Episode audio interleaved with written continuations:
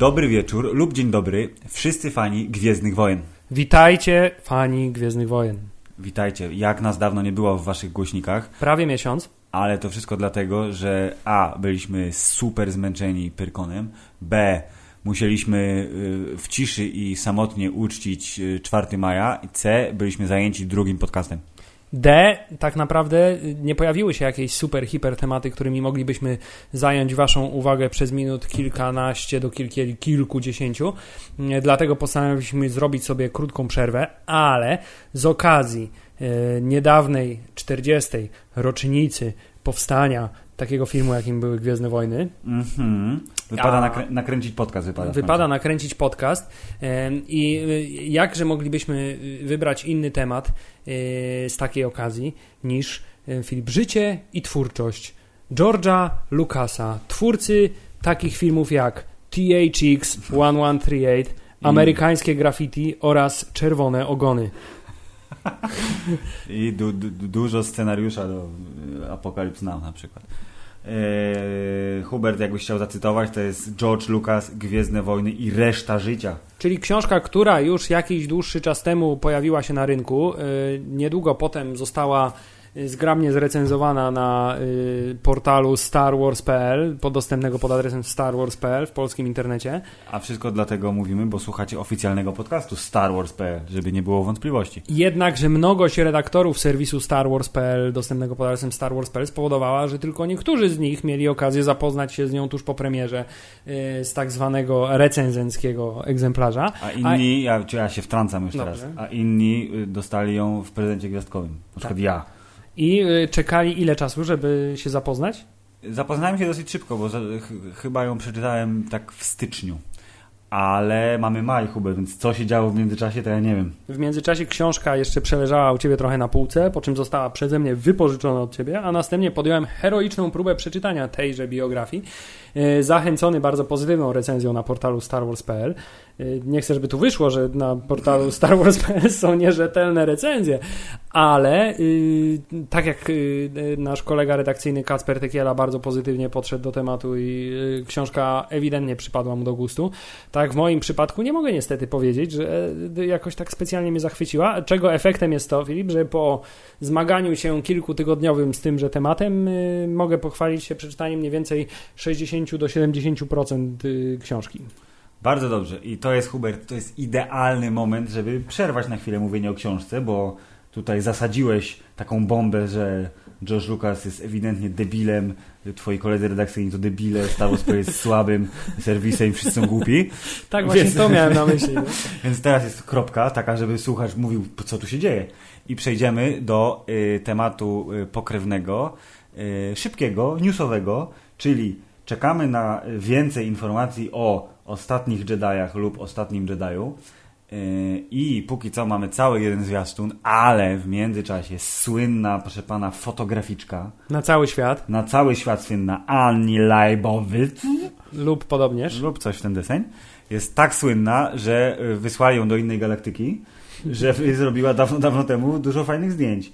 Y, I w magazynie Vanity Fair, który jest na szczęście również internetowy, a nie tylko drukowany, pojawiła się spora liczba fajnych fotografii, z których możemy wywnioskować co nieco, a najbardziej to, że już chcemy ten film natychmiast. I najbardziej możemy wywnioskować, że tak jak pamiętasz Filip, jak po y, Przebudzeniu Mocy byłem totalnie zachwycony krótką, bo kilkusekundową rolą Luka Skywalkera, mówię, on tak potrafił spojrzeć w tych paru sekundach, tak potrafił tym wzrokiem i spojrzeniem swoim wszystko przekazać, co miał do przekazania Mhm. i że to było ewidentny pokaz wybitnego aktorstwa, krótki, bo krótki, ale jednak intensywny, y, to tak po tych zdjęciach i innych materiałach, które gdzieś tam się ciągle ukazują, zaczynam y, wpadać w wątpliwość, czy jednak y, Mark Hamill nie dostał jakiegoś lekkiego paraliżu w, trakcie kręcenia tego filmu, bo na wszystkich zdjęciach i gdziekolwiek się nie pojawia, mina jego jest zawsze równie zgorzkniała i z równie intensywnym wzrokiem.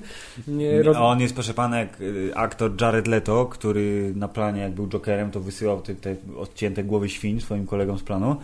E, więc jak Mark Hamill wejdzie w rolę Luka Skywalkera, a wszedł w nią Obawiam się, jak dwa lata szalenie, temu, to jak szalenie Luke Skywalker będzie zgorzkniały w tym filmie po prostu. Jest starym, on, on tak zgryźliwym nabu- nabuduje, ale to prawda, bo pierwsze zdjęcie, które się pojawia y, na stronie Vanity Fair, y, gdzie jest galeria 14 fotografii autorstwa Ani Leibowitz, to jest właśnie zdjęcie z tejże lokacji kończącej Przebudzenie Mocy, gdzie Rey przyjechała z mieczem do swojego przyszłego mistrza i Rey jest taka, że ona, ona chce walczyć, ale Luke Skywalker ciągle patrzy gdzieś w dal i jest taki właśnie trochę, że o, czuję ból.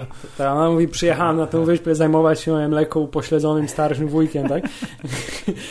Mniej więcej takie ma spojrzenie. Chciałam się nauczyć władać mieczem świetlnym, a tymczasem on mi ciągle każe pozować do dziwnych zdjęć i patrzy się ciągle na horyzont, tak? I ciągle ma ten sam strój, ale trzeba przyznać, że niezmiennie wygląda w nim bardzo dobrze i bardzo poddajowemu.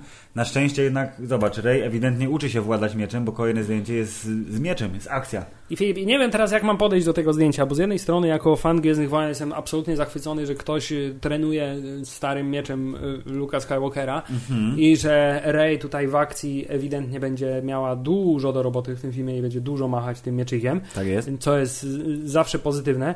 Z drugiej strony, jakiś taki, wiesz, jednak mimo wszystko odrobinę zwierzęcy instynkt się też budzi w mojej osobie, Że kiedy widzę to zdjęcie. miecz, co? Nie, no kiedy tak właśnie, tak jak zawsze zwracam uwagę, że kobiety w Gwiezdnych Wojnach nie, nie są przedstawiane jako jakieś, Nie są kobiece super, tak, tak? Nie, nie są kobiece i nie są jakoś specjalnie obiektami seksualnymi, to w Czy Rey jest przypadku, atrakcyjna trochę w jednak? przypadku tego zdjęcia jest atrakcyjna z racji tego taki tu dekolcik się tam pojawia dosyć intensywny, tutaj taka sylwetka jest wiesz, zdrowa, wysportowana. No bo chciałem powiedzieć, że żadna kobieta w Gwiezdnych Wojnach nie musiała machać mieczem intensywnie, nie licząc animacji tak naprawdę.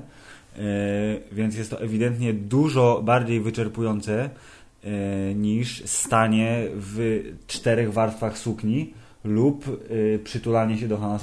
Tak, ale co jest też ciekawe na tym zdjęciu, oprócz ewidentnie ładnej Rey, Tak. nie, nie bójmy się tego, Filip, Nie bójmy się, Star Wars.pl yy, mówi To to, że tak zdjęcie jest. upozowane tak, jakby ona po prostu, wiesz, tutaj nagle y, wskoczyła, wiesz, wpadła na tę wyspę, se na chwilę potrenować, bo ten plecak tam w tle rzucony, te jej graty, wiesz, na zasadzie, Tak. a mam parę minut, to sobie, wiesz, Pomacham poćwiczę, nie? nie? Chyba nie będzie jednak tak to wyglądało w filmie. Ma, mam nadzieję, no jak wiesz, wysnuwaliśmy y, na podstawie zwiastuna pierwszego dużo różnych śmiałych, mniej lub bardziej teorii. Ja tu na przykład mogę wysnuć teorię taką, że ona y, ciśnie y, przez siebie moc. bo Ma zamknięte oczy, więc może po prostu to jest tak, jak Luke miał y, trening z blaszką, y, proszę pana. y, to ona po prostu nie, ona nie, ma blaszki, więc musi Nie ma zamknąć- blaszki, tak. Na wyspie nie ma metalu. Nie są w stanie wyprodukować takiego hełmu, więc Luke mówi, zamknij oczy, nie podglądaj. A jak będzie podglądać, to już dzieli piorunem. I jeszcze jedna rzecz, która tutaj odnoszę takie wrażenie, że ten miecz jest ciapkę za krótki. Tak? No taki jakiś, tak mi się wydaje, że on jest taki troszkę Hmm. taki jakiś malutki. Mimo wszystko tak No może, może, może kwestia perspektywy. Tak czy siak jest to zdjęcie, Hubert, więc myślę, że ten miecz mimo wszystko jest trochę photoshopowy. Yy, Ale to, co jest ciekawe w tych wszystkich zdjęciach zresztą nie tylko, to że one absolutnie wszystkie nadają się po prostu, żeby powiesić je sobie w ramce, Nie, bo one bardzo są ładne, bardzo tak. dopracowane, zresztą czego się można spodziewać po y, pani Ani Lejbowic, ale y, są wszystkie bardzo pięknie doświetlone, wypracowane, Nie, wycyzelowane wiadomo, na jest maksa. super. Kolejne zdjęcie jest znowu przedstawia Rey i tym razem siedzi z czubaką w kokpicie y, Sokoła Millennium i ja y, przyznam się, że Od razu widzi, że to nie jest Peter Mayhew. nie, to w ogóle nie na to chciałem zwrócić uwagę. Co, Peter Mayhew był niedostępny, więc wsadzili innego gościa, który ma Nie, dwa metry Peter. Mayhew obecnie niestety jest chyba już troszkę zbyt, Zbyt styrany życiem i ma problem ze stawami z kolanami i z racji swojego już jednak mm, niesłusznego wieku i by, by słusznej też sylwetki e, ma problemy z kolanami, zresztą na Celebration jak się pojawił to też przecież po, podjechał wózeczkiem na scenę, bo nie mógł, Mhm. więc podejrzewam, Okej. że w większości scen takich y, odrobinę chociaż mobilnych jest zastąpiony przez aktora, który zresztą chyba w opisie zdjęcia jest wymieniony, jo, Juna Suotamoto. Su, Suotamo. Ju- Juna Suotamo lub y, in, jakkolwiek się to wymawia. Nie, Ale na co ty chciałeś zwrócić uwagę? Że y, nigdy wcześniej nie przyjrzałem się z taką dokładnością, jak faktycznie wygląda, wygląda kokpit. Y, że jest tam zaskakująco mało instrumentów, co oczywiście jest y, logiczne, gdyż kokpit został zbudowany i, i, i powstał w oryginale y, w połowie lat 70. Więc jakby Jasna sprawa. Tym niemniej y, guziki mi się kojarzą z, wiesz, z autobusami typu Neoplan. Właśnie chciałem tak powiedzieć, że, że deska, rozdziel... tak, że deska rozdzielcza wygląda jak to jest takich to jest starszy typ tramwaju trochę, gdzie są wielkie, okrągłe guziki, tak? I Tak, no tutaj- otwórz drzwi, zamknij drzwi. Tak, y, ale mimo wszystko y, wnętrze Sokoła Millennium To wciąż jest wnętrze Sokoła Millennium, no, to jest bardzo ważne. tak jest. Więc oklaski, a później zmieniamy. Tu już jest, nie jest zdjęcie w akcji, tylko jest y, chyba seria będzie takich zdjęć, gdzie są po prostu jest ustawka. Taka dość solidna ustawka. Y, To znaczy wszystkie jak naprawdę zdjęcia to są ustawki. no wiadomo, tak ale naprawdę, tamte przynajmniej wiesz, udają, że jest w plenerze, a tu jest na tle. I tutaj czego? jest zdjęcie, które oprócz Prześcieradeł. tego, że mamy y, podgląd na Leję, która jak z ostatnich zresztą newsów, nie wiem czy dotarły do Ciebie te newsy, że Mm. miała mieć bardzo istotną Tak, w rolę w dziewiątym epizodzie epizodzie. dziewiątym, w związku Mhm. z tym niestety y, przedwczesna, niespodziewana śmie- śmierć Carrie Fisher spowodowała, że musieli bardzo mocno zmienić swoje plany scenariuszowe w I pytanie do nowej brzmi, trylogii. jak, jak się okaże, że na przykład Gwiezdne Wojny 9 są takie, no fajnie zakończyliście, ale kurde, czegoś tam brakowało, to czy właśnie to nie jest to coś? Tak jest. To już będą odwieczne spekulacje. wszy- będziemy wszyscy winni za to Carrie Fisher, tak? Że nie dbała o siebie w wieku młodzieńczym, w związku z tym przedwcześnie opuściła ten świat. Księżniczko, no dajcie spokój. Tak, e, ale oprócz tego, Filip, to co nam to zdjęcie mówi, to Że e, film wyjdzie ze śpiączki w końcu. że film wyjdzie ze śpiączki i jest taki trochę tutaj zapowiedź tego, co też było gdzieś tam sugerowane, że w Gwiezdnych Wojnach może pojawić się taki wątek y, związku homoseksualnego. Co, bo,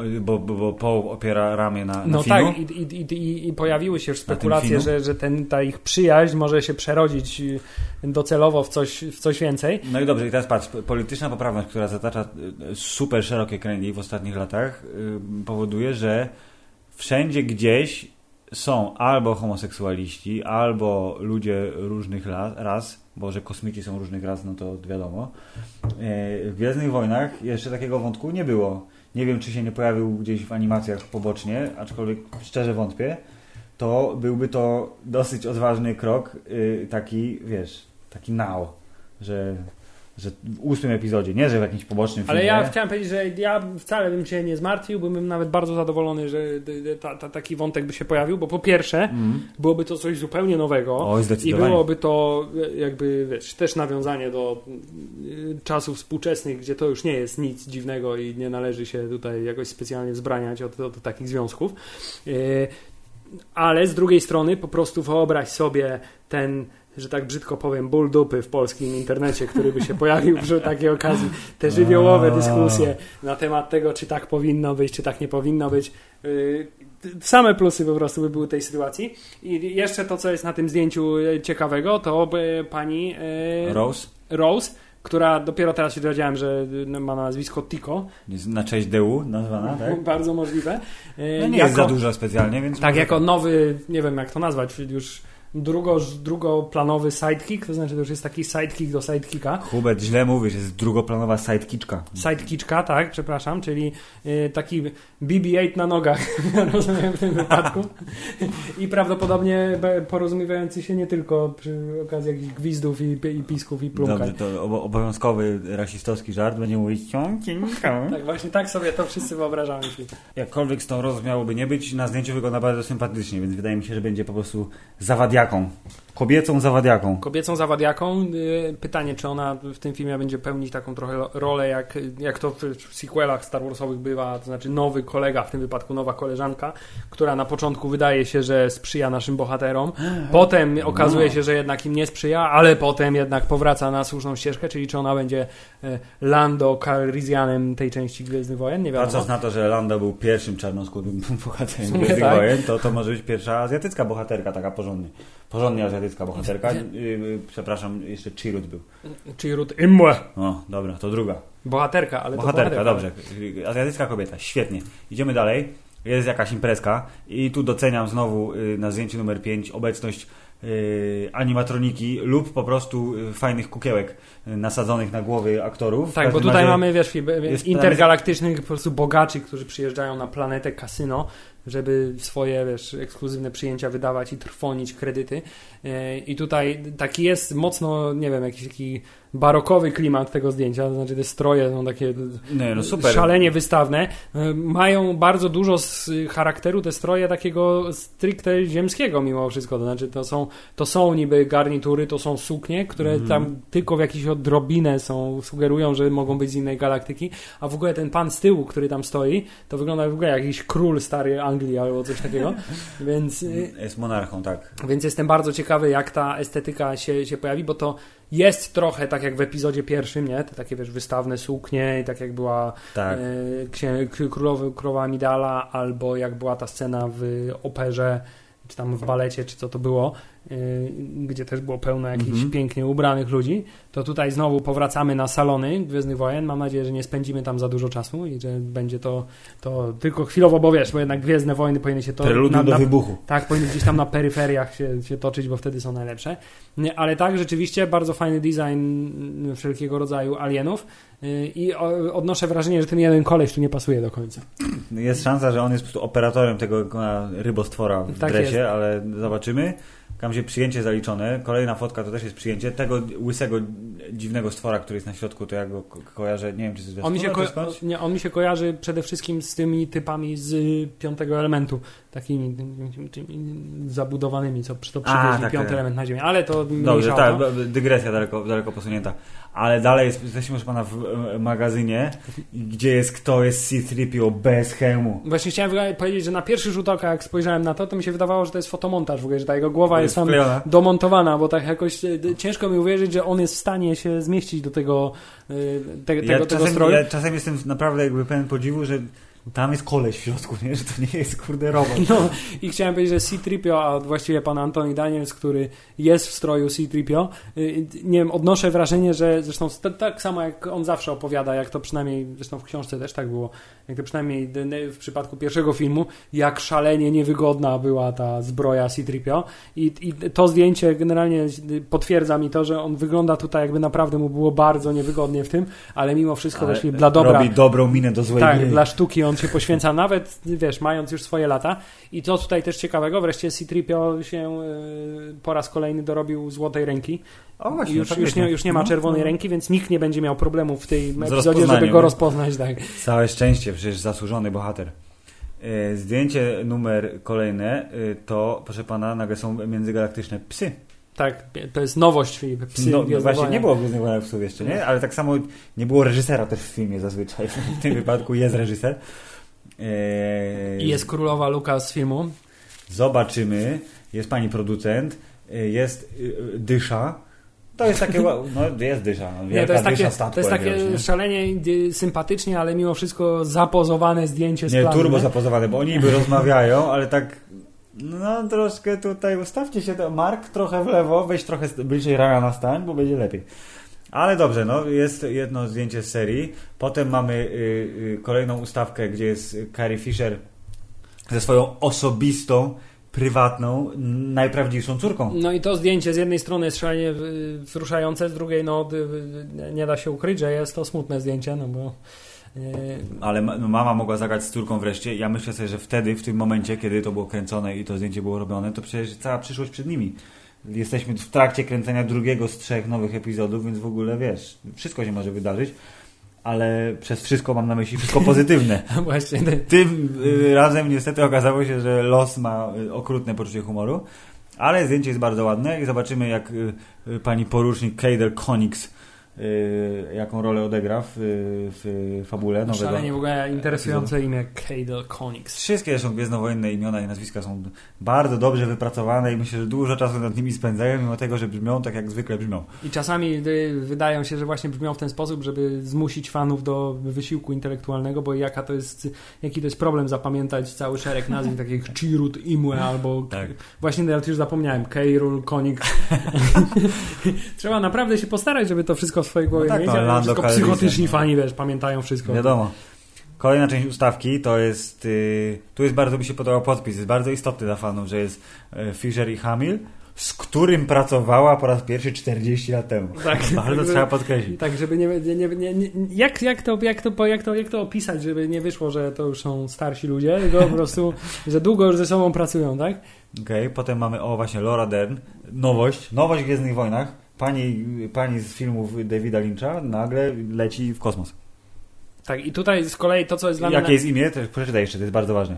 Y, Admirał Amilin Holdo. No, okej. Całkiem, całkiem ładne, ale to, co mi się najbardziej podoba w tym zdjęciu, nic nie umując oczywiście pani Laurze Dern, ale y, jak y, szalenie te ustawki są tutaj dopracowane, bo zobacz ten ekran, który jest w tle. To, jest, to, to ma, z jednej strony jest taki po prostu ekran rozwijany, ale jest tak świetnie... Dobrze, nie, tak? kolorystyka, tak. wszystko jest super. To jest taka stara mapa do geografii, którą rozwijasz w szkole w liceum. Ale mimo wszystko wygląda no, też tak, jakby była z galaktyki, wiesz, z odległej tak, galaktyki dawno, dawno temu. Ładna suknia, na pewno osoby, które doceniają dobry krój y, i y, szwalniczość, proszę pana, to... Generalnie ba- bardzo dużo postaci się pojawia w tym i zastanawiam się, na ile to będą istotne postaci, czy, czy, to, czy ile z tych, y, z, tych, z tych postaci to, będzie taka, to będą takie postaci w końcu Jednorazówki takie, jak, czy... jak, jak pan Constable Zubio, który się miał pojawić w Przebudzeniu Mocy, ale w końcu został zupełnie wycięty, co nie przeszkodziło im w stworzeniu figurki tej postaci. No, wiadomo. Zastanawiam się, jak istotną rolę będzie miała pani, na przykład pani y, Laura albo pan Benicio del Toro. Zobaczymy. Ja sobie myślę, że to jest trochę tak, że jest propozycja, tak jak teraz na tej samej zasadzie działa Marvel, czyli druga gruba łapa Disneya w filmowym świecie. Dają ci propozycję, hej, chcesz zagrać w Gwiezdnych Wojnach? Może cię wytniemy, na ekranie będziesz przez maksymalnie minutę chcesz. Debil odpowie nie, więc Wiadomo, prawdopodobnie, że nawet jak masz nie wiadomo jakie portfolio filmowe, tak jak Benicio del Toro na przykład, to nawet jak cię wytną albo zrobią y, y, y, krótką scenkę, no to chcesz być w Gwiezdnych Wojnach. Nie oszukujmy się. A propos A pana propos Benicio, pana na następnym tak. zdjęciu mamy pana Benicio del Toro, który, może to przyznać, wygląda jak Benicio del Toro, to znaczy tym razem nie dostał jakiegoś specjalnego nakładu charakteryzatorskiego. Tak, ja sobie powiem, że tak wygląda prywatnie. Tak jest, po prostu wjechali mu do mieszkania, on właśnie w takim mieszkaniu mieszka i po prostu pan Benicio del Toro wypoczywa w swoim salonie, nie? To zdjęcie powinno być zatytułowane. Tak, przygotowuje się do roli. Tak czy siak wygląda na całkiem y, y, srogiego zawadiaka, że tak powiem. Shifty DJ, Tak. według o, o podpisu na, przy zdjęciu.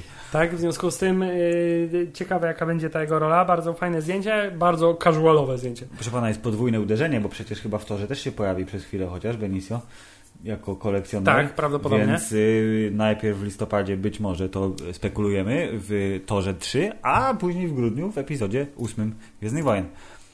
I co? I co? I teraz jest, jest kontrowersja.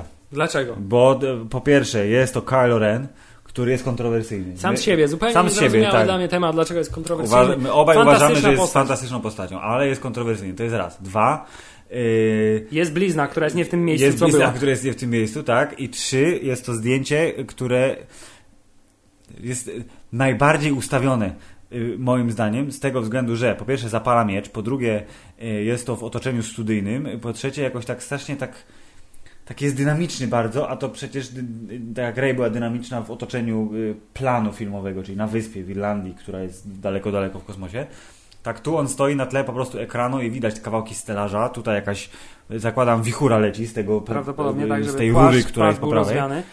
E, Ale przynajmniej wygląda na srogiego, złego gościa, bo ma dużo bledszą twarz. Właśnie to, co można z tego zdjęcia wywnioskować, to wiesz, kolejny kolejny y, jakby powód, żeby sądzić, że w y, ostatnich Jedi Kylo Ren na dobre się pozbędzie swojego hełmu Mm. i będzie już tylko świecił twarzą po prostu przez cały film.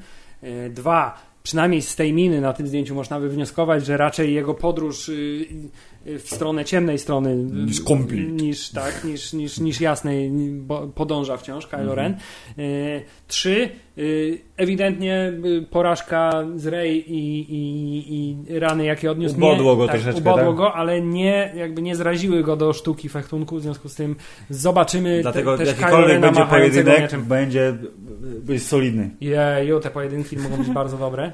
No i na koniec zdjęcie, które y, y, y, mam wrażenie, że najczęściej było opisywane, kapitan Fazma bez hełmu. Tak, to ale, jest jedyne, to jest ale to istotne. akurat z drugiej strony ja pamiętam też, że przed Przebudzeniem Mocy była cała seria zdjęć, gdzie też był Kylo Ren bez hełmu, Mhm. więc nie było zaskoczenia, jak wygląda Kylo Ren, bo już to zostało zdradzone. Tak, bo, Po czym zimowe tło tak, takie tak, było. tak, tak, tak. Po czym jakby ty, to, to się nie sprawdziło, że on już bez tego hełmu po tym zimowym tle sobie chodził. E, tak samo podejrzewam, że tutaj była jednak kwestia, żeby mimo wszystko pokazać panią Gwendolyn Christie, e, Oczywiście. że to jest ona. E, ale to, co też ona cały czas wspominała, to że mm, nawet gdyby miała ten hełm, to byłoby widać, że to jest sylwetka kobieca, bo pani Gwendolyn Christie bardzo dbała o to w Przebudzeniu Mocy i tutaj prawdopodobnie też, żeby gdzieś, mimo tego, że twarzy nie pokazuje, zawsze przemycić jakiś aspekt kobiecości do dla Kapitan Fazmy, to znaczy sposób, w jaki staje, sposób, w jaki się porusza, tak trochę Okej. miał sugerować mimo wszystko. No tu Mm, jakby patrząc na to, że ona jest jednak du du dużą babką i yy, yy, jest dla koneserów kobietą, jej, uro, Okej. jej, uro, jej uroda, yy, to yy, tak, stoi po kobiecemu, bo jednak panowie są tacy właśnie wiesz, przyjęli pozę taką wiesz, frontalną i w ogóle, a ona tak jest trochę z boku, Tak. nóżka z przodu, więc rozumiem, co chcesz powiedzieć. I to, co Filip wzbudziło, wiesz, w tym zdjęciu najwięcej spekulacji, to jest y, broń, którą ona dzierży. Dziwna, cienka listewka. Tak, która podobno ma służyć do pojedynków z mieczami świetlnymi, więc... Czyli że to jest kolejny rodzaj Tak, pałek, kolejny, kolejny broń w, w Gwiezdnych Wojnach, która ma możliwość odbicia miecza świetlnego, co miało być niewykonalne, przynajmniej w początkowych założeniach. Tak, A wiadomo, że to się zmienia, bo inaczej wszyscy by przegrywali. Tak ale zdjęcia ładne. Zdjęcia ładne, Ania Leibowicz jest zdolna, Vanity Fair wygrało. Jesteśmy y, na półmetku oczekiwania, jeśli chodzi o rok, Tak? y, bo y, jakby nie było y, koniec maja, początek czerwca, więc jedynie 5 miesięcy, proszę pana, na premiery filmu. Czekamy na kolejny trailer, czekamy na rozpoczęcie sprzedaży biletów, czekamy na informację, czy odbędzie się premiera o północy tym razem, solidnie. A to myślę, że jeszcze chwilę poczekamy. Tak, jeszcze trochę poczekamy na pewno, ale czekamy mimo Tak to. czy siak, hype rośnie. Oczywiście my sobie poradzimy, chodząc na inne filmy i spekulując jeszcze wielokrotnie na temat fabuły i różnych innych ciekawostek. A y, teraz y, wypada powrócić do ojca. Lecz zanim to zrobimy, Filip, nie wiem, czy w ogóle dojdziemy do tematu dzisiejszego Jezu, no odcinka, bo dobrze. jeszcze y, przypomniało mi się, że przecież to nie jedyne zdjęcia, jakie pojawiły się w ostatnich czasach, bo całkiem niedawno też pojawiły się przecież zdjęcia z planu y, nowego filmu o Hanie Solo, y, które to zdjęcia wzbudziły kontrowersje y, głównie za sprawą designu pojazdów, które w tym filmie mają się pojawić, bo ma w tym filmie być pewnego rodzaju nawiązanie do em, wyścigu podracerów, tylko tym razem mają to być, przynajmniej ze zdjęć tak wynika, pojazdy kołowe. Co też w Gwiezdnych Wojnach jakby nie jest zupełnie oczywistym, zwłaszcza, że design tych y, pojazdów y, jest dosyć kontrowersyjny. Zresztą zaraz y, doświadczymy tego. Doświadczymy tego, ale to dobrze, bo widzisz, y, od razu tu się y, wkrada nawiązanie do przeszłości George'a Lucasa. Tak jest, po raz A. kolejny wracamy do tematu hot rodów, tak nawet jeśli przez George'a Lucasa. Wujek George teraz jest już y, producentem Emerytem. wykonawczym jakby tytularnie, tak naprawdę, tylko siedzi i kasuje dolary, to... y, Egzekwuje je. Tak. Muszę wyegzekwować 100 dolarów teraz, szybko potrzebuję na paliwo. To tak, masz rację, dobrze, możemy przejść do, do y, zdjęć z planu Hanna Solo. Ale Pierwsze tak zdję... Tak, bardzo szybko. Pierwsze zdjęcie pokazuje od razu y, Hanna Solo samego w charakteryzacji i, i w akcji. Czy ta grzywa jest H- Hanno Solowa? To właśnie jest Hanno Solowa i jest też y, y, dosyć istotny fakt, że panowi, panu, panowi, panu e, Eldenowi, a jak mu się... Alden Reich. Alden Reichowi trochę się przytyło, co by y, prawdopodobnie uzyskać bardziej taką Harrisono-Fordową sylwetkę. Więc co do wyglądu postaci nie mamy chyba specjalnie wie, wie, większych uwag. Natomiast to, co jest bardzo kontrowersyjne, możesz tam dalej zobaczyć sobie zresztą, to jest design tych pojazdów, którymi mają się oni ścigać, bo To jest po prostu samochód, który Właśnie okleili kablami. Właśnie, oklei kablami i najbardziej, oprócz tego, że cały ten y, jest taki jakiś mocno kwadratowy i może bardziej y, panokleksowy niż gwiezdnowojenny, Mm. to najbardziej kontrowersyjnym dla mnie elementem mimo wszystko są te gumowe opony, które wyglądają po prostu jak opony z samochodu. Dobra, i teraz tu się wkłada pytanie w takim razie, czy to nie jest taki trik, że e, oni sobie wymyślili ten sposób e, filmowania wyścigu, czyli na kołach, i to są takie pojazdy, ale zrobią z nich takie speedery, jakie były w epizodzie czwartym. No właśnie, to jest jedna z opcji, która jest możliwa i Bo za jakby którą kształt tego boku i te tutaj e, jakby wyloty turbopaliwa czy czegokolwiek, to tak sugerują, że jest opcja. Tak, ale, y, ale jednak gdzieś tam plotki się pojawiają coraz bardziej intensywne, y, że no, że te pojazdy mają być pojazdami kołowymi mimo wszystko. Okej, okay, no to y, kolejna nowość w świecie Gwiezdnych Wojen. No tak, tylko że Czy te koła naprawdę... pojawiły się koła w Gwiezdnych Wojnach jako, jako nie, napęd? No, oczywiście Chyba tak, no, no to oczywiście są przecież te y, pancerne pojazdy, między innymi, którymi pani y, Jean Erso była przewożona w kolonii i one tak... one nie były, one były gąsienicowe? Nie, one były na takich kołach, takich właśnie sześć tych kół miały, czy osiem, ale Okej. miały, miały koła. Natomiast to wygląda tak, jakby jednak chyba to mieli usunąć tego, bo one wyglądają jak po prostu jak zwykłe koła. A ten samochodzik, który wygląda jak po prostu jakiś Cadillac, nie, nie wiem, czy nie jest przesadzony, no bo musisz przyznać, Filip, że cokolwiek Tak. nie powiedzieć, to jest to dosyć kontrowersyjne. Nie, to jest, to jest w ogóle samochód. To- To nie jest pojazd, tylko to jest samochód. Tylko, że taki odpicowany troszeczkę, więc masz Więc- rację. Ta więc- szybka, te fotele. Więc wyjścia są dwa. Albo bardzo mocno je zmodyfikują w postprodukcji, yy, albo mm, klimat tego filmu będzie tak szalenie yy, niskobudżetowy, teatralny i, i, i taki z przymrużeniem oka, że naprawdę gatunek tego filmu, w sensie podgatunek oczywiście, czyli to na, na czym będzie wzorowany, naprawdę musiałby yy, mocno wejść w jakąś taką konwencję teatralną, żeby, żeby to się sprawdziło. No bo zobacz, jak to wygląda. No. No to tak, to jest taki Mad Maxowy klimat wręcz nawet. Bo Nawet bym powiedział tak. zardzewiałe rurki, wszystko takie przybrudzone, jak to w Gwiezdnych Wojnach, przybrudzone, zużyte, więc spoko. Tym niemniej, jak jest to samochód na kołach? Możemy No powiedzieć, że ciekawe. koła są kontrowersyjne i że widać zdecydowanie, że tych zdjęć z kolei pani Ani Lejbowic nie robiła. dobrze, i teraz, Nie, dobrze, ponieważ już y, wszystkie swoje żale na temat wycieków y, fotograficznych z planu filmu Hanie Solo y, już z siebie wydałem, to teraz możemy przejść do meritum. A Dobrze. meritum w życiu każdego fana Gwiezdnych Wojen jest biografia George'a Lucasa, bo bez niego film Gwiezdnych Wojen by nie było. Dobrze, to teraz, teraz dowód, y, y, proszę pana, audialny, dźwiękowy, to Jest odgłos książka. książki. wydana w twardej oprawie. Książka autorstwa pra, pana Briana J. Jonesa, e, który jest pisarzem i nagradzanym autorem biografii. Czyli, E, że jest po prostu y, rzemieślnikiem solidnym, który umie pisać o innych osobach. Tak, nagrodę dostał za biografię Jima Hensona, który zresztą też swój wkład w e, Gwiezdne Wojny e, posiada. E, I muszę przyznać, że przeczytałem w swoim życiu kilka biografii. O, biografii, tak, no. E, I że ta książka nie przypadła mi specjalnie do gustu. Okej. Z racji tego, że jest ona pisana w sposób e, bardzo, przynajmniej tak ją odebrałem, w sposób bardzo taki rzetelny, ale mimo wszystko dziennikarski. To znaczy, Zabrakło, głównie- ci, zabrakło ci serca w to tej znaczy, książce? to znaczy tak, głównie jest recenzowane, co kiedy zostało zrobione i w jaki sposób, tak? Mhm. a za mało, moim zdaniem, trochę w tej książce było takich e, elementów, które by pozwoliły czytelnikowi zrozumieć, dlaczego coś zostało w ten sposób zrobione. Zazwyczaj tego typu motywacje George'a Lucasa są kwitowane jakimś jednym zdaniem, bo nie lubił producentów, albo bo chciał zaoszczędzić pieniądze, Mhm. albo bo chciał mieć pełną kontrolę.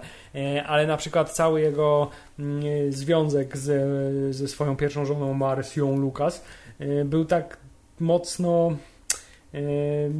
za potraktowany powierzchownie, to znaczy Aha, tak, okej. ona robiła to, on robił to, dużo- trochę... Ona, ona montowała jego filmy i w końcu się rozstali. Mniej więcej no, tak, tak, a bardzo by mi zależało jednak na tym, żeby dowiedzieć się z tej książki trochę więcej na temat jakby, wiesz, osobowości George'a Lucasa, a nie tego, że 25 maja stało się to i to. E, Dlatego też trochę z taką mm, jednak trudnością mi przychodziło czytanie tej biografii, co nie zmienia faktu, że z tego fragmentu przynajmniej, którego zdążyłem doczytać, Mhm. E, to dowiedziałem się paru nowych, ciekawych rzeczy z życia George'a Lucasa, których nie wiedziałem i wzbogaciło to zdecydowanie mój odbiór tejże postaci. Tak, ja przy- w odróżnieniu od y, mojego przedmówcy Huberta, Czytam książki do końca, zanim je czytam recenzuję. książki do końca. Tak, właśnie tak sobie pomyślałem, chyba nie zdarzyło się, żebym jakąś, nie dobra, nadniemnym, ale to jakby inny temat, jakiś przerwać książkę po tym, jak ją zacząłem. I matura, Filip, już jest wycofana, już przyznałeś się. Obecnie tak, teraz mogła być wycofana. Yy, a tym niemniej książka jako prezent, temat, który mnie żywo interesuje, gdyż, ponieważ Gwiezdne Wojny, wiadomo. George Lucas Nie. is live. George Lucas to życie, George Lucas to światło, e, więc w tym wypadku e, chętnie e, e, wlazłem w jego e, historię, przeszłość i, e, wszystko to, co zrobił. I tak jak i ty, dowiedziałem się kilku ciekawych rzeczy, ale nie tak jak ty, Yy, uważam, że a, książka jest bardzo solidna. W sensie dobrze się ją czyta, nie, nie, nie znużyło mnie to specjalnie. Inna też sprawa, że być może czytając ją regularnie, łatwiej wejść w jakiś rytm, a po długiej przerwie trudno jest wrócić do takiego. No, mimo wszystko to jest historia czyjegoś życia, które nie jest specjalnie jakoś mega sensacyjne, nikt tam się nie strzelał. Dobra, był wypadek samochodowy. Okej, okay, ale, ale... No to, ale to też jest jakiś właśnie taki element, który faktycznie z książki można też wywnioskować i co chyba też wszyscy w pewien sposób wiedzieli, znaczy, że George Lucas tak naprawdę w głębi duszy jest nudziarzem. On jest turbo nudziarzem właśnie i to jest, było w ogóle fajnie podkreślane, że on przecież na tych wszystkich spotkaniach i tak dalej, on był taki, że on się trzymał ze sobą, ze swoimi znajomymi. Niespecjalnie miał ochotę reklamować swoje dzieła, swoją wizję, tylko siedział za kulisami, rozkazywał. Oczywiście był w swoim żywiole, jak kontrolował powstawanie filmu, patrzył na łapy tych ludzi, którzy tam, co jest oczywiście najlepszą metodą kontrolowania. Jak ktoś coś robi, a ty mu gapisz się na ręce. Wtedy wszystko lepiej idzie. E, to wtedy był aktywny i, i, i, i roztaczał swoją aurę e, przywództwa. No ale wszystko się zaczęło chyba od tego, że on był przecież, jak to Hubert, my wszyscy, był synem swojego ojca. A jego tata był surowy, był konserwatywny. On był najmłodszym bratem, dobrze pamiętam? Czy środkowym jakimś, bo on miał, on miał rodzeństwo. Tak, miał rodzeństwo i... E, czekaj, czekaj. Son of... Znajdziemy? Nie znajdziemy tak czy siak, najważniejszym elementem tego bycia synem swojego ojca jest to, że przecież on miał przejąć rodzinną firmę, a nie bawić się w jakieś jakąś sztukę, jakieś filmy, to przecież nie ma z tym pieniędzy w ogóle, dajcie spokój. No właśnie i to był taki, taki wiesz, też taki, taki klasyczny, rasowy przykład po prostu e, człowieka, który tkwi w małej amerykańskiej miejscowości, Y, z perspektywami owszem y, ciekawymi, ale tylko na jakiejś tam arenie lokalnej. No właśnie, że będzie po prostu lokalnym biznesmenem. Tak, po który ojcu. jednak lubi czytać komiksy i marzy, żeby wiesz, zaznać większego świata.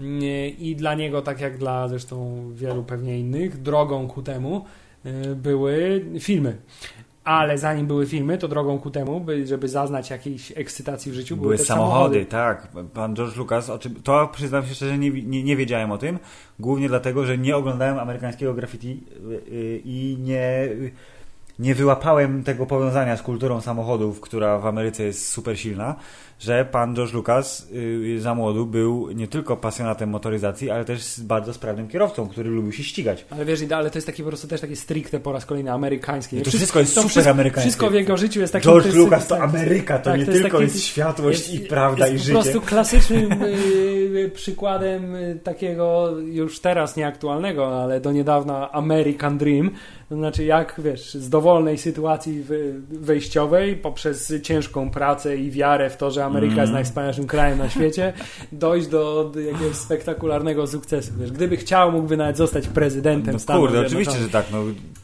Tak, ale George Lucas, który w młodości rzeczywiście miał ojca surowego, y, może niezbyt uczuciowego, który mimo wszystko chciał zapewnić im wszystkim jakieś tam wiesz, y, solidne życie, w związku z tym chciał, żeby się wyuczył zawodu, żeby przejął firmę tak. i, i, żeby dalej jakby rozwijał rodzinny interes, to y, George jednak wiesz, miał, miał, miał większe marzenia. No tak, no on został przecież oprócz tego, że właśnie ścigał się samochodami i przeżył wypadek straszliwy, Przecież się tam rozpierdzielił na zakręcie. I, i, I, co ciekawe, właśnie to jest tam, tam ten element, że y, jedyne co go ocaliło to to, że nie miał zapiętych pasów bezpieczeństwa, bo dzięki tak. temu zanim samochód przywalił w drzewo, wyleciał. to on wyleciał przez szybę po prostu.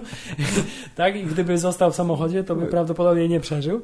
Pamiętajcie, nie zapinajcie pasów bezpieczeństwa, radzi więc, George więc, więc, jakby ktoś chciał taki wniosek, to może no, wyciągnąć, że pasy bezpieczeństwa jednak nie są tak, dobre. ale to właśnie to nomen omen to spowodowało, że jakby w tym momencie wizja kariery kierowcy y, wyścigowego stała się mniej ekscytująca, bo jeśli mogę zginąć, to może nie jest to najlepszy wybór, w związku z czym zajmę się moją drugą pasją, czyli filmami. I też od tego czasu chyba George Lucas tak trochę jednak postanowił, że rzeczy zbyt jakby ekscytujące i ryzykowne to nie, nie jest jego, jego bajka. I też przez całą tą książkę to jest, nie wiem, takie, takie dziwne, bo George Lucas mm zresztą zawsze tak było od początku. No, z czego tak ludzie w naszym wieku, którzy jak już zapoznali się z Gwiezdnymi Wojnami, to to już była wiesz, znana na całym świecie fenomen totalny i George Lucas, twórca Gwiezdnych Wojen, zawsze tak był tytułowany.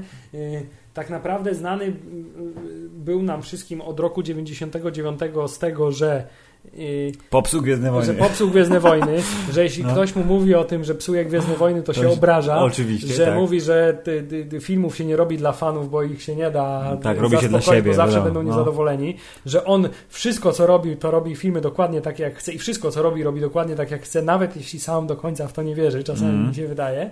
Nie i, a mimo to y, jest uznawany i chyba całkiem słusznie, że za jedną z najbardziej takich wpływowych y, osób y, i postaci w historii Hollywood.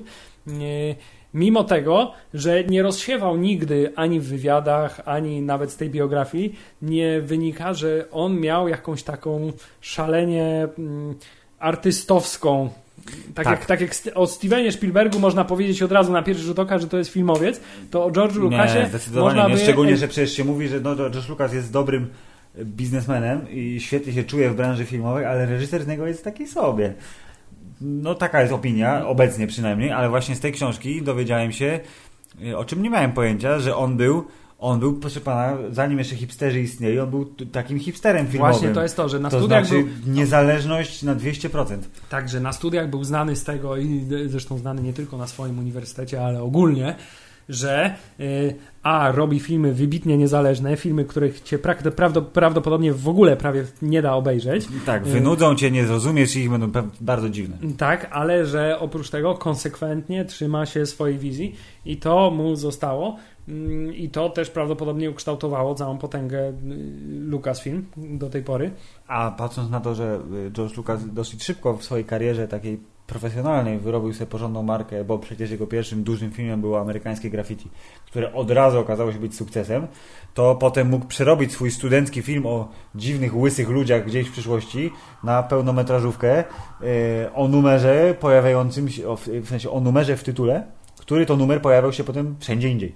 Lecz to odwrotnie było. Najpierw było THX tak, jako pełnometrażówka? THX, tak.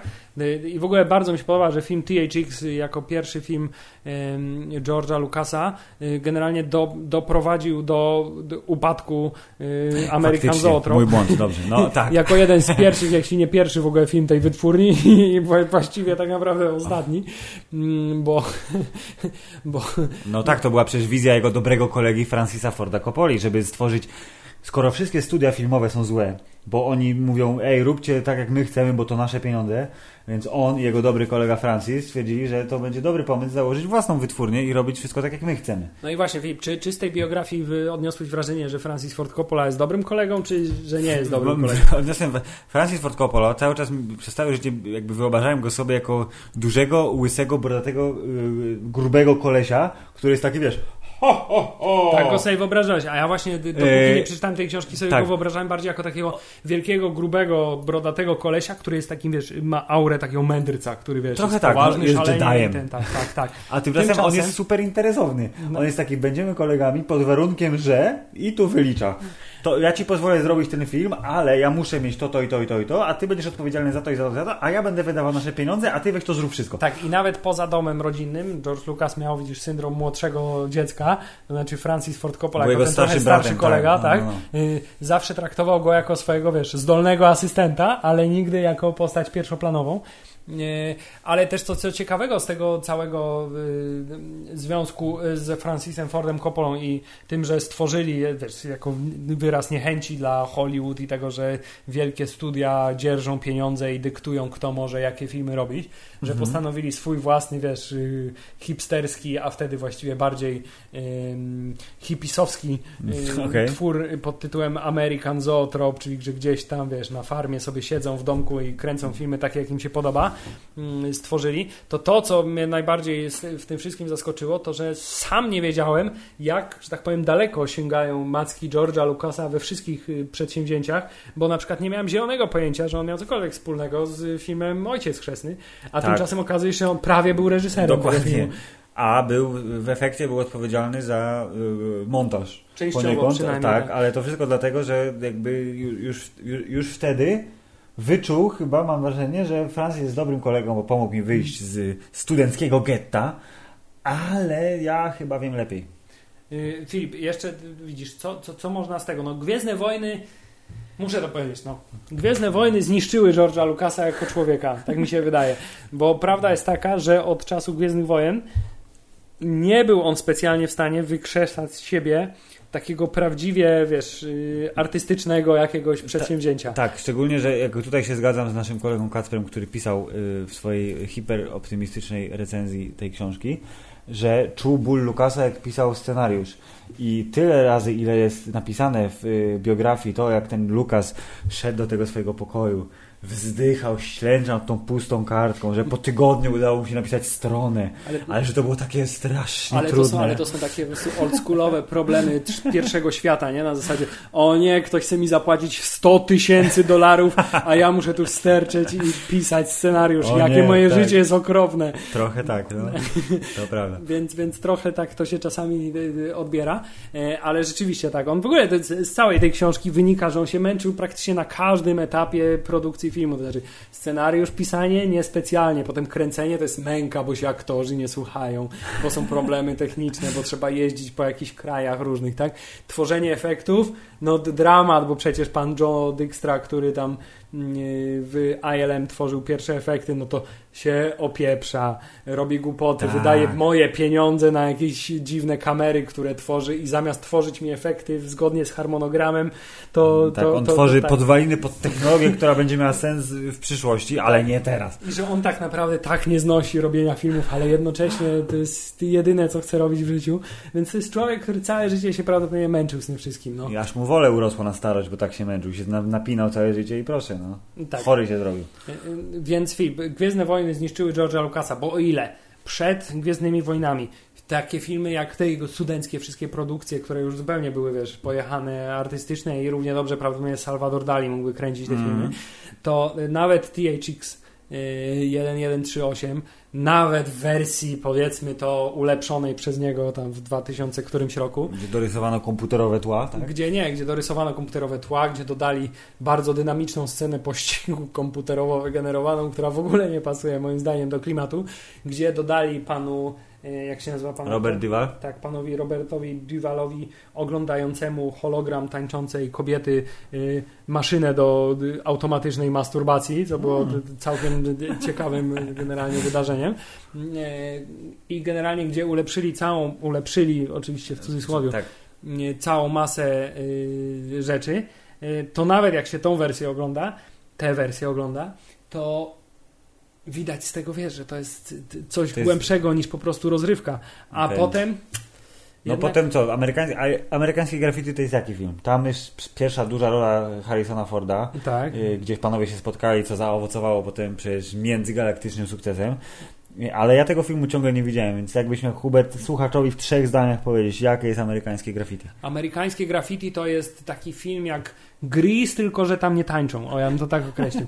Bo to jest też film o młodzieży, też chodzą w skórzanych kurtkach, tylko że zamiast tańczyć jeżdżą samochodami, cała akcja dzieje się w nocy, spotykają się, taki wiesz, klasyczny film o młodzieży, mhm. ścigają się, spotykają się w nocy, yy, podjeżdżają do jakichś knajp, żeby tam, wiesz, i sobie zamawiają jedzenie do samochodu, właśnie nie wysiadają z tych samochodów, no i przede wszystkim sączy się z tego, wiesz, Ameryka. Ameryka po raz kolejny się sączy z tego, bo yy, też w ogóle nowość, której nie wiedziałem, że to właściwie George Lucas wymyślił to, że można zrobić ścieżkę do filmu złożoną z praktycznie mhm. tylko i wyłącznie z piosenek. I to też był problem, bo przecież był tak. ograniczony super budżet i okazało się, że pewnych e, utworów nie można Tak, jak, jak Elvisa Presleya tak. chciał użyć e, utworów, ale absolutnie nie stać go było na to, bo był to już wtedy utwór tak. za drogi to tutaj widzisz i, i co? I jego śladem ilu poszło twórców? No teraz jest to zupełnie normalne, że soundtrackiem do filmów bywają no, oczywiście, utwory no, bardzo duże rzeczy, które zrobił George Lucas, to jest dzisiaj totalnym standardem, a on wtedy myślał o tym jako pierwszy. Był pionierem mimo wszystko.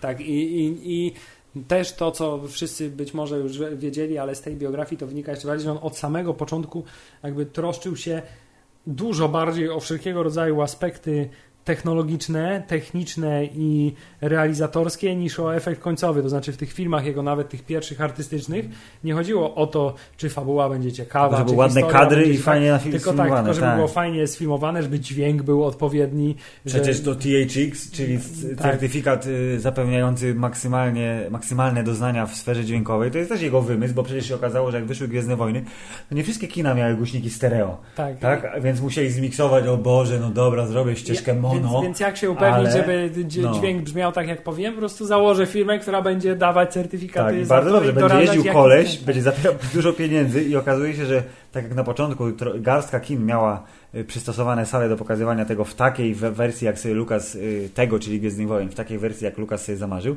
to po tym oszałamiającym sukcesie, bo przecież po wszystkich przejściach, jakie pan Lukas miał z producentami, to Gwiezdne Wojny zadebiutowały na bardzo małej ilości ekranów. Tak jak dzisiaj się mówi, że no w Stanach 3000-4000 ekranów to jest standard dla wysokobudżetowego filmu, tam było ich kilkadziesiąt, Tak, ale po, E, po tym sukcesie... Okazało się, że były kolejki, koczowanie pod kinem, żeby kupić bilet, to o, chyba coś tu jest, jakiś biznes, róbmy to.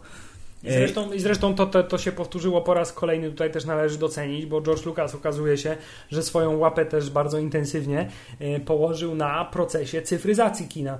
To znaczy nie tylko kręcenia, ale też projektorów cyfrowych, Oczywiście. bo przecież y, to epizod y, drugi y, właściwie wymusił na dużej liczbie kin, przynajmniej w Stanach Zjednoczonych, instalację drogiego jeszcze jak na tamte czasy Mhm. bardzo i może technologicznie niedoskonałego, ale mimo wszystko nowoczesnego projektora cyfrowego.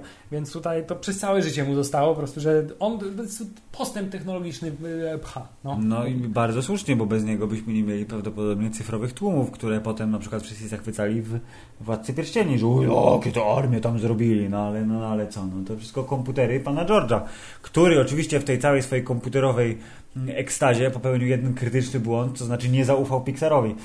Tak, to, Tego też się dowiedziałem z tej książki, tak, że... to, a to, to, to że- wiedziałem akurat wcześniej, że to się nazywa, mówią o tym, że to jest jeden z największych błędów takich biznesowych, jakie Tak. George Lucas popełnił, ale z drugiej strony, Filip, jak co można powiedzieć? Jak można powiedzieć, że ktoś popełnił błąd biznesowy, Nie no, który jakby patrząc ma, na to, ile on jest wart i ma bardzo wykonał, dużo miliardów dolarów na swoim koncie, tak? Miałby po prostu ich dużo więcej, no to jest, to to jest ciężko uznać, że popełnił jakiś błąd. Bo to tak działa, że jak ktoś jest na świeczniku, jest tak wysoko, odniósł hipersukces, to potem chcesz mówić, a widzisz, ja bym Pixara nie odpuścił, a on odpuścił, znaczy jest głupi. Tak, ale to, co jeszcze mi się y, rzuciło w oczy z tej biografii, to jest to, że takie odniosłem wrażenie, że ten światek Hollywood tamtego czasu, a właściwie tego Hollywood, które się w tamtym momencie liczyło, był szalenie mały, bo to byli sami koledzy, sami znajomi, oni wszyscy się między sobą znali, między sobą jakieś konszachty, y, Coppola, y, Spielberg, y, Lucas, cała masa innych twórców, którzy gdzieś tam się między sobą zawsze przeplatali, nawet Martin Scorsese gdzieś tam w tym całym Tak, przecież on, bardzo, mi się, bardzo mi się podobało, że oni przez to, że są kolegami, to sobie pokazywali nie do końca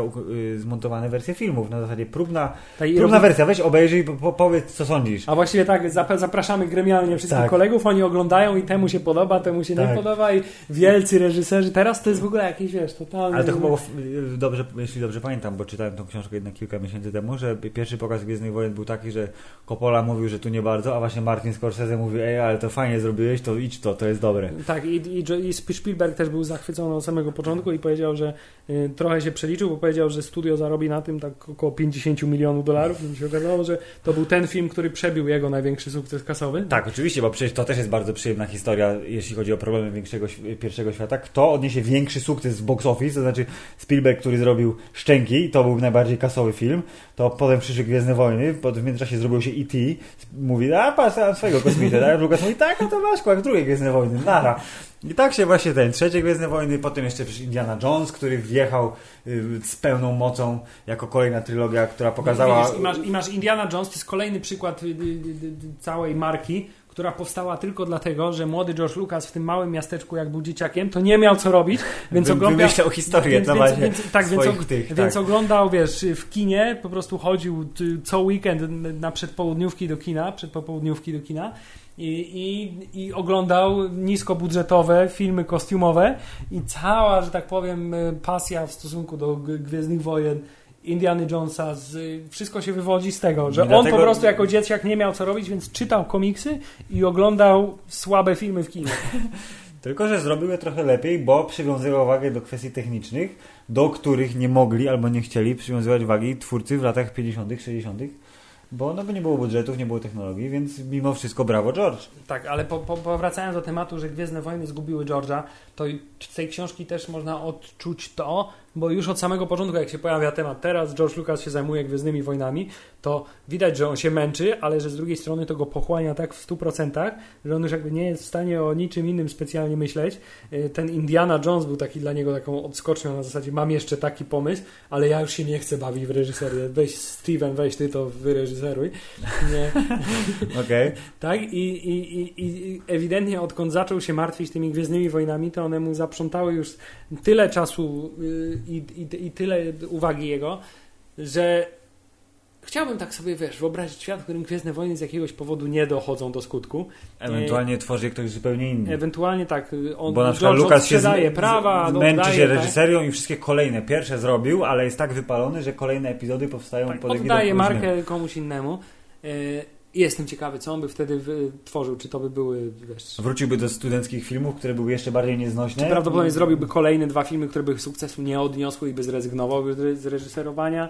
i, i by wrócił, nie wiem, tą firmę. No bardzo są zawsze ciekawe spekulacje, ale teraz zobaczmy, jak y, dużą moc y, George Lucas ma jaką pozycję sobie wypracował, bo to jest coś, o czym wspomnieliśmy w podcaście Hammerside przy okazji omawiania y, postaci Harrisona Forda, że przecież czwarty Indiana Jones, który dla wielu fanów nie istnieje, mimo wszystko, jest taki, jaki jest, dlatego, że Lukas oczywiście powiedział, hej Steven, mam fajny pomysł, zróbmy czwartego Indiana Jonesa. Steven mówił oczywiście, jasne, O, świetnie. kosmita. Tylko, że A, musi to mieć w tytule kryształowa czaszka i B, w finale muszą być kosmici, a resztę rób co chcesz. No i proszę, no i właśnie najbardziej kontrowersyjne, nazwijmy je tak, nazwijmy decyzje tak. odnośnie Indiana Jonesa 4 pochodzą od George'a Lucasa. Tylko i, i wyłącznie. I to jest właśnie to, że widzisz, on ma taką siłę przebicia i zresztą nawet jak nie był jeszcze super znanym reżyserem, to potrafił wyegzekwować na wszystkich swoje pomysły. Łącznie tak, z pomysłem, okej, okay, zarobicie na biletach, ale ja zarobię na zabawkach. Tak, co też było absolutnie nie do pomyślenia, więc tutaj mamy kolejny poziom takiego dziwnego wizjonerstwa, bo z jednej strony pomysł wizjonerski, wiesz, jak można było przewidzieć, że te zabawki się będą aż tak sprzedawać. Z drugiej, no taki nie jest jakiś specjalnie wyraz jakby artystycznej W ogóle, patrząc na to, że minęło tak naprawdę ile? 10 lat, od kiedy tworzył dziwne pięciominutowe, krótkie metraże puszczane na studenckich pokazach do gościa, który mówi, ej, zrobimy 700 miliardów plastikowych figurek Jedi i ja na nich zarobię tyleż samo dolarów. Czyli być może po prostu to jest, wiesz, taki typ człowieka, który cokolwiek by nie robił, to wiesz, jak yy, skazany na sukces. Jak, yy, jak Józefowicz? Jak Józefowicz. To znaczy, zobacz, jak trafił, jak wymyślił sobie, że będzie robił filmy i trafił do uczelni, gdzie wiesz, na topie były yy, pomysły artystyczne i wizjonerskie i różnego to rodzaju To się w tym wyspecjalizował to się, i robił to się, dobre to się, to się rzeczy, znalazł tak. w tym i to wręcz do ekstremum, bo był zbyt wręcz kontrowersyjny na, okay. na tę uczelnię. Y, jak potem y, zaczął robić filmy i postanowił, że y, pieniądze studiów filmowych Y, studia filmowe zarabiają pieniądze bez żadnego powodu i że on, on może, on powinien to robić, tak. to, to, to, to zrobił to w taki sposób, że zarobił miliardy, miliardy dolarów. Miliardy, miliardy, to jest bardzo mm. ważne. Nie? Więc prawdopodobnie, gdyby wiesz, gdyby otworzył sklep z butami, to by zrobił konkurencję dla marki Nike prawdopodobnie, nie? A mm, więc może wiesz, to jest taki typ osobowości, że czymkolwiek by się nie zajmie, zajął, w tym odniesie, odniesie sukces, mimo tego, że nie zawsze to, co robi, jest jakoś specjalnie najlepsze. Nie? Bo... Zdecydowanie i teraz właśnie możemy spojrzeć tylko w przyszłość, jednak ciągle odległą, bo teraz y, wujek George jest tytularnym producentem przy Nowych Gwiezdnych Wojnach. Jedne mu się podobają, inne nie. Mówi, że ja miałem inne pomysły na nową trylogię, bla bla bla ale ma też inne pomysły na dalszy ciąg Indiana Jonesa, który jest zaplanowany na za 3 lata. Nie będzie reżyserował, nie będzie pisał scenariusza, będzie znowu producentem, który będzie egzekwował. Czyli będzie z kulis pociągał za sznurki. Y, czyli jeżeli okaże się, że y, Harrison Ford ginie zjedzony przez wielkiego aligatora, właśnie to jest to pomysł George'a. Właśnie chciałem powiedzieć, co gorszego można wymyślić od kosmitów. Y, Reptilianie, Hubert, oni żyją we wnętrzu Ziemi. Pamiętaj. Tak, crossover ze Star Trekiem jakiś, tak? Dobrze. Ale Filip, no nawet jak patrzymy na tą listę, na tę listę filmów tutaj, to zobacz... Mało reżyserował trochę, nie? Ma, jednak. mało reżyserował, bo stwierdził, że to jest zbyt męczące dla niego. A w książce było to wielokrotnie powtarzane, że męczy go tak bardzo robienie filmów, że on nie chce reżyserować, więc bardzo dużo wyprodukował, bo tu jest najwięcej zielonych kratek na Wikipedii, które ci mówią, że jest producentem. Sporo scenariuszy napisał, wielokrotnie y, montował swoje własne filmy, co nie było potem uwzględnione w napisach początkowych lub końcowych, o czym też nie wiedziałem, że jakby jego największą pasją było nadawanie kształtu filmowi już w sali montażowej. Czyli dobra, nakręćmy tego ile wlezie, ja to potem zmontuję. Będzie Tak. dobrze. A potem bardzo cierpiał z powodu, że nie miał czasu montować i że musiał ktoś inny za niego montować. Tak, i a on zazwyczaj... potem właził do studia i mówił, ale weź to lepiej zmontuj, bo ja tu bym to inaczej zrobił. Tak, i to, co też wychodzi z tej biografii, to jest fakt taki, że mimo wszystko w relacjach, zwłaszcza zawodowych, to George Lucas jednak nie był zbyt przyjemnym człowiekiem do współpracy. No tak Bo- myślę, no to jest taki szef, każdym- który budzi szacunek i trwogę. Ale tak, taki, taki, taki despota, to znaczy tak, Tak. zresztą widać to, ja to pamiętam dokładnie z wszystkich materiałów dodatkowych do epizodu pierwszego, drugiego i trzeciego, Mhm. to znaczy tam była ta znana y, wizja, która się toczyła przez te trzy filmy, że y, cały sztab ludzi produkował różnego rodzaju szkice koncepcyjne, A on je figurki. Nie, a on potem, wiesz, i potem raz na miesiąc to był wielki postrach, wszyscy stali, drżyli. Aha, bo drżeli. George będzie oceniał, Tak, tak? bo George przychodził i miał swoją pieczątkę, na której było napisane, że George Lucas approved i po prostu wchodził do pomieszczenia, tam była wielka ściana, oni wszystko, co mieli, wykładali na ścianie, te wszystkie szkice koncepcyjne, a on patrzył na to. I przybijał pieczątkę i tak, na i tak- cztery z i nich, na, tak? I na, ściana stu, się, stu, stu elementów, a on na pięciu z nich, czy tam czterech, przybijał pieczątkę i wychodził i to był Koniec. cały jego wkład po prostu w tworzenie tego. I, I wiesz, i to, ta pieczątka to była, to była świętość, nie? To, co George powiedział, to tak musi być to zrealizowane. Co zresztą w dużej mierze odbiło się trochę y, niefortunnie na, na prequelowej trylogii. No trudno, tak, wziął wszystko w swoje ręce i y, na wszystkie dobre rzeczy, które powstały, powstało pewnie drugie tyle, drugie tyle złych rzeczy. Ale jakby nie patrzeć na postać George'a, jest człowiekiem, który zapisał się po wsze czasy w historii kina i bez niego, bez jego podejścia do, y, nie bójmy się tego słowa, komercjalizacji, takiej stuprocentowej komercjalizacji. Właśnie gdzieś tam, gdzieś tam padło to w Yy. ogóle zdanie takie, że on mówił, to nie moja wina, że ludzie chcą iść do kina na coś, wiesz, żeby zjeść trochę popcornu i No. się dobrze bawić, a nie na jakieś ważne, y, y, ważkie Więc to, tematy. to jego podejście sprawiło, że kino dzisiaj wygląda tak, jak wygląda. I nawet jeśli George Lucas reżyserem nie jest najzdolniejszym, to wizjonerem jest po prostu totalnym i stuprocentowym i mimo tego, że już przekroczył 7 dych, yy, ma dużo dzieci własnych, adoptowanych i dużo młodszą żonę, z którą ewidentnie jest szczęśliwy, bo związek trwa nadal, to yy, myślę, że yy, jeszcze coś nam pokaże. To znaczy, I- wiesz, George Lucas już jakiś czas temu i od dawna, zresztą od samego początku y, y, powtarzał, że jego marzeniem jest robić filmy absolutnie niekomercyjne, absolutnie niskobudżetowe i takie, których pra- na, najlepiej Nikt nie jakby obejrzy, nikt, tak. nikt nie zobaczy, tak? I zresztą jak przechodził na tą, nazwijmy to, emeryturę, tak? To znaczy jak już sprzedał Lucasfilm do Disneya, to stwierdził, że teraz właśnie tym się będzie zajmował. Będzie robił sobie filmy do szuflady swojej. Może tak się dzieje i wiesz, i No dopiero właśnie, na razie, po na razie jego, nie ma ich. i może dopiero Tak. po jego śmierci będzie, wiesz, George Lucas, dzieła nieznane, wiesz, taki zostanie wydany, wiesz, wersja Kompilacja, specjalna, tak, tak, tak, tak. potem po roku zostanie wydana wersja poprawiona przez wnuczków Lucasa, wizja ostateczna, Doklejąc- zgodnie tak mój tak. dziadek chciał, żeby to tak Cyfrowe wyglądało. powieki. Tak, ale technologia jeszcze na to nie pozwoliła, żeby Ewoki mrugały, Ale albo żeby, na- albo żeby Lord Vader w kluczowej scenie powrotu Jedi wydał najgorszy dźwięk możliwy w historii całej sagi. Tak? A, to jest jedna rzecz, której nie mogę darować. No to jest, to jest, to się wydawało w pewnym momencie w ogóle to poprawianie filmów przez George'a Lucasa, że on to robi na złość fanom. W sensie, że on ma, Trochę tak, tak. że on ma tak dosyć już tego gadania, że to powinno wyglądać Ale tak, jeśli albo wierzyć inaczej. panu biografowi Brianowi, to on to wszystko wymyślił sobie w latach 70. Tylko jeszcze nie było nie technologii, potrafił żeby tego zrobić, bo mrugały tak, po prostu, Dokładnie. I w związku z tym na przykład też nie było te, te technologii, żeby pan, nie no, dobrze, wyjaśnił to, że podobno od samego początku ten krzyk miał tam być, tylko że gdzieś tam się w montażu, Zagubił w montażu. a dźwięku się zagubił i dopiero teraz Okej. sobie przypomniał o tym, że on tam miał być tak naprawdę. Mm, Aha, no MP3 wkleić w, w drugiej godzinie 13 minucie filmu, tak? Tak jest. E, No ale Filip, George Lucas. Można o nim powiedzieć bardzo dużo rzeczy, ale jest to człowiek, Który sprawił, że teraz miliony nerdów na całym świecie rysują Gwiezdne Wojny, piszą fanfiki, tatuują sobie logotypy na ramionach, nogach, bądź nawet genitaliach. I proszę pana, bez niego świat kina nie byłby taki sam, po prostu. Tu nie ma co się w ogóle, nie ma co gdybać, tylko to jest fakt.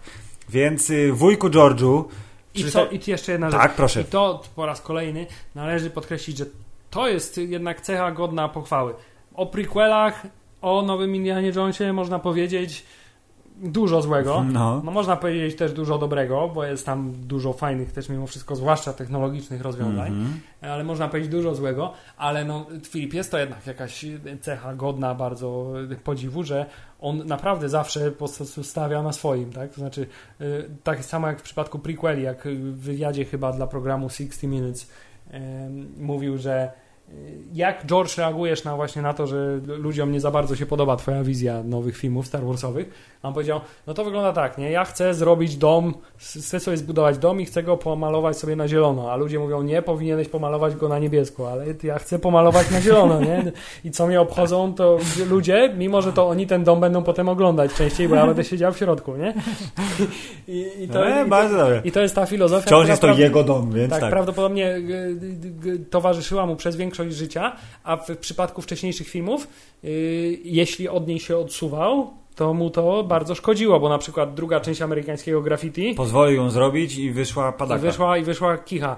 Y, Star Wars Holiday Special zgodził się, żeby powstało, oddał zupełnie komuś Tak. innemu do zrobienia. I wyszła padaka. I wyszła padaka. Jedyne, co z tego y, mu się podobało, to to, y, że był Boba Fett, zresztą postać, którą on sam zaproponował, żeby zrobić, więc to jest jego jedyny element wkładu w, w, Mhm. w, w, w Star Wars Holiday Special. Y, I wyszła padaka, tak? Więc nie, nie dziwię się też, że tak się zraził i w przypadku prequeli rzeczywiście powrócił do pełnej, pełnej, stuprocentowej kontroli nad każdym aspektem powstawania tego filmu. Tak, cokolwiek zrobił, zrobił tak jak chciał. Jest to jego wina i jednocześnie jego zasługa. Poza tym wszyscy chcieli być, tak, być tacy jak George Lucas, to znaczy mieć najfajniejsze rancho na świecie, być właścicielem jednej trzeciej San Francisco, tak mniej więcej I, i generalnie mieć totalny luz i móc o sobie powiedzieć, tak to ja, George Lucas, twórca Gwiezdnych Wojen. Tak więc, y, wujku George'u, dziękujemy, pozdrawiamy. I życzymy jeszcze wielu, wielu sukcesów na y, jesieni życia. Jezu, jak to zabrzmi. No, bo jest jednak trochę wiekowy pan George, ale wujku George'u, polajkuj Star Wars.pl, wymyśl jeszcze fajną historię dla Indiana Jonesa, trzymamy kciuki, 2020 Indiana Jones 5, 2017 epizod 8, yy, 2020 epizod 9 i co? Hubert, kończymy ten podcast chyba, bo już się nagadaliśmy. Mieli Państwo, wrócimy do tematu Gwiezdnych Wojen w najbliższej przyszłości. Dziękujemy, pozdrawiamy, do usłyszenia. I niech moc będzie z wami. Yeah.